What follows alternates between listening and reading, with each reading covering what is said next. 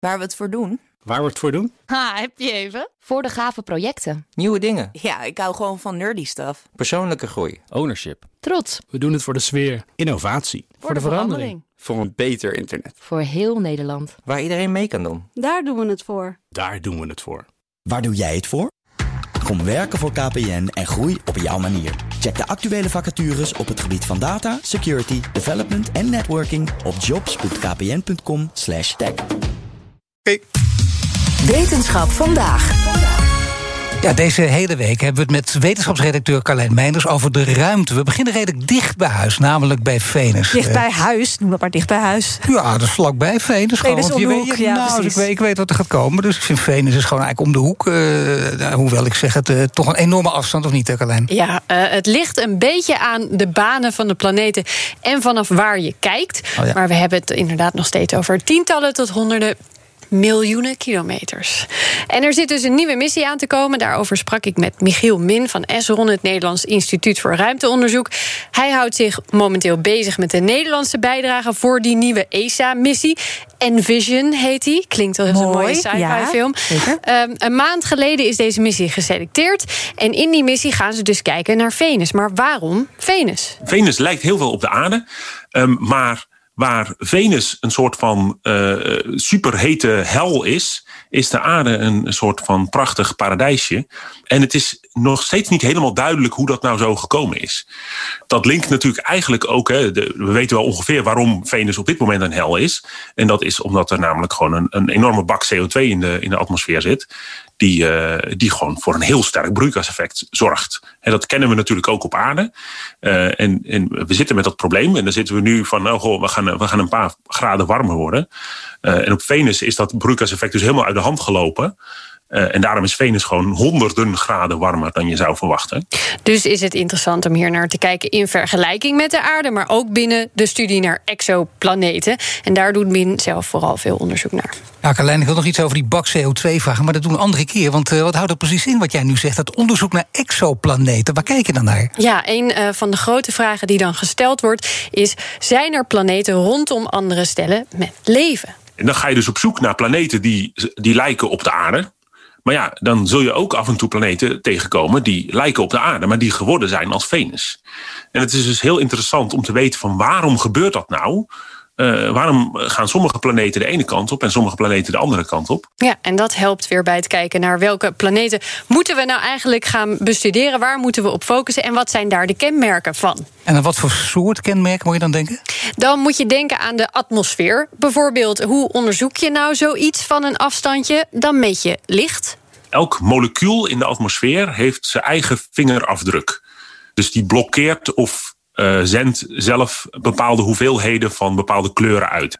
En dan kijk je echt in detail. Hè? Dus dan kijk je niet, eh, is het blauw of is het rood? Maar dan kijk je echt heel in detail van welke golflengte worden er precies uitgezonden. En wat we dus gaan doen, is dan een, een spectrum nemen. Waarbij we dus al die verschillende golflengten, al die verschillende kleuren bekijken. En dan ga je daar alle, al die vingerafdrukken ga je er gewoon uit proberen te peuteren. Van, eh, en, en dan kun je dus zeggen van, oh, er zit zoveel CO2 in de atmosfeer. En er zit zoveel eh, eh, SO2 in de atmosfeer. En zwavelhoudende dingen. En bij Venus is het dan zo dat er een satelliet gebruikt kan worden die er omheen vliegt en daarnaar kijkt. Bij exoplaneten die veel verder weg staan, kan dit niet. En dan kijken ze naar wat gebeurt er als de planeet voor de ster staat. Dan filtert er wat van dat sterlicht door de atmosfeer heen. En daarin kun je dan weer naar die vingerafdruk gaan zoeken. En wanneer gaan ze dan naar Venus? Ja, dat duurt nog wel even. Oh, toch? Eh, dat is altijd zo met dit soort missies. We zijn nu net voorbij de fase waarin ESA heeft gekozen... wat wordt dit nou voor missie? Welk ingediend voorstel wint er? En nu kan het tekenen en sleutelen beginnen... en dan gaat hij over tien jaar pas de lucht in. Dus we zijn lekker op tijd. Gaan we nog meemaken, gelukkig. Jeff Bezos gaat er nog meemaken. Ja, maar waarom heeft dit eh, satellietontwerp, waarom heeft dit ontwerp dan gewonnen? Ja, dat is een goede vraag. In dit geval waren de voorstellen ook heel uiteenlopend.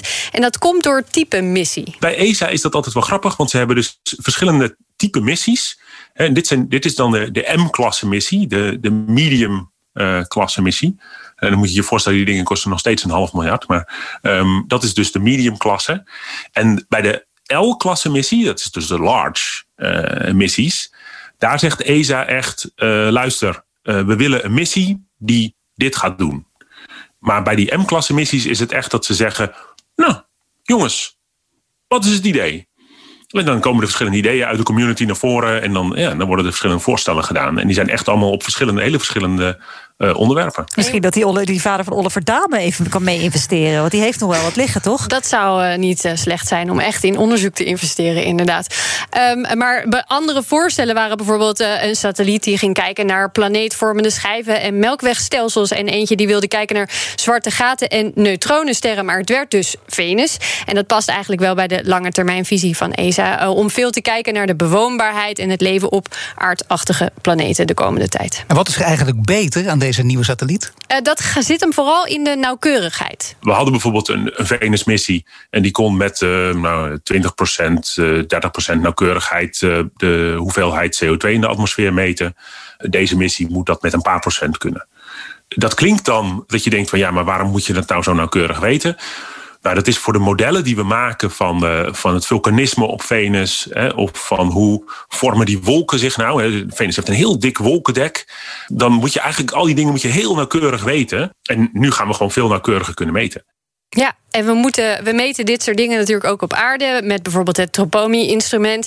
En dan kijken we nog veel preciezer dan dit. Welke fabriek stoot er precies wat uit. Maar ditzelfde doen op Venus is moeilijker. Want daar lanceer je niet even een paar satellieten. Een satelliet die je naar Venus wil lanceren.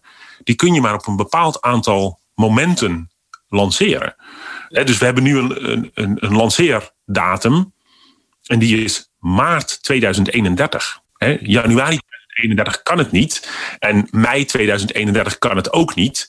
Als je maart 2031 niet haalt, wordt het twee jaar later. Ja, hij weet het wel heel precies. Hij, zeker, dat moet ook wel. Hè. Je moet, ze moeten dit nu gaan bouwen en precies op dat moment klaar zijn. Tropomi-instrumenten. Ja. Heeft hij bij zijn hand. Lekker makkelijk.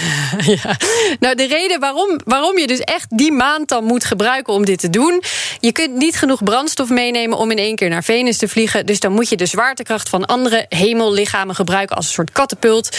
Uh, maar die moeten dan wel op precies de goede plek staan ten opzichte van de aarde. En dat is dus niet altijd zo. Wat een gigantische druk. Ik dacht dat die druk tijdens de Olympische Spelen groot was. Dit is veel groter. Enorme druk op zo'n lancering. Niet normaal, ja. En dan, dan valt onze baan met een paar live deadlines hier en daar uh, ontzettend mee, toch jongen? Nou, dat wel, hè? inderdaad. Dankjewel, Carleen. Wetenschap vandaag wordt mede mogelijk gemaakt door Gimmicks. Gimmicks, your trusted AI partner. Bij BNR ben je altijd als eerste op de hoogte van het laatste nieuws. Luister dagelijks live via internet. Bas van Werven. En heel langzaam komt de zon op rond dit tijdstip. Je krijgt inzicht in de dag die komt op BNR, het Binnenhof in Nederland en de rest van de wereld. De Ochtendspits. Voor de beste start van je werkdag. Blijf scherp en mis niets.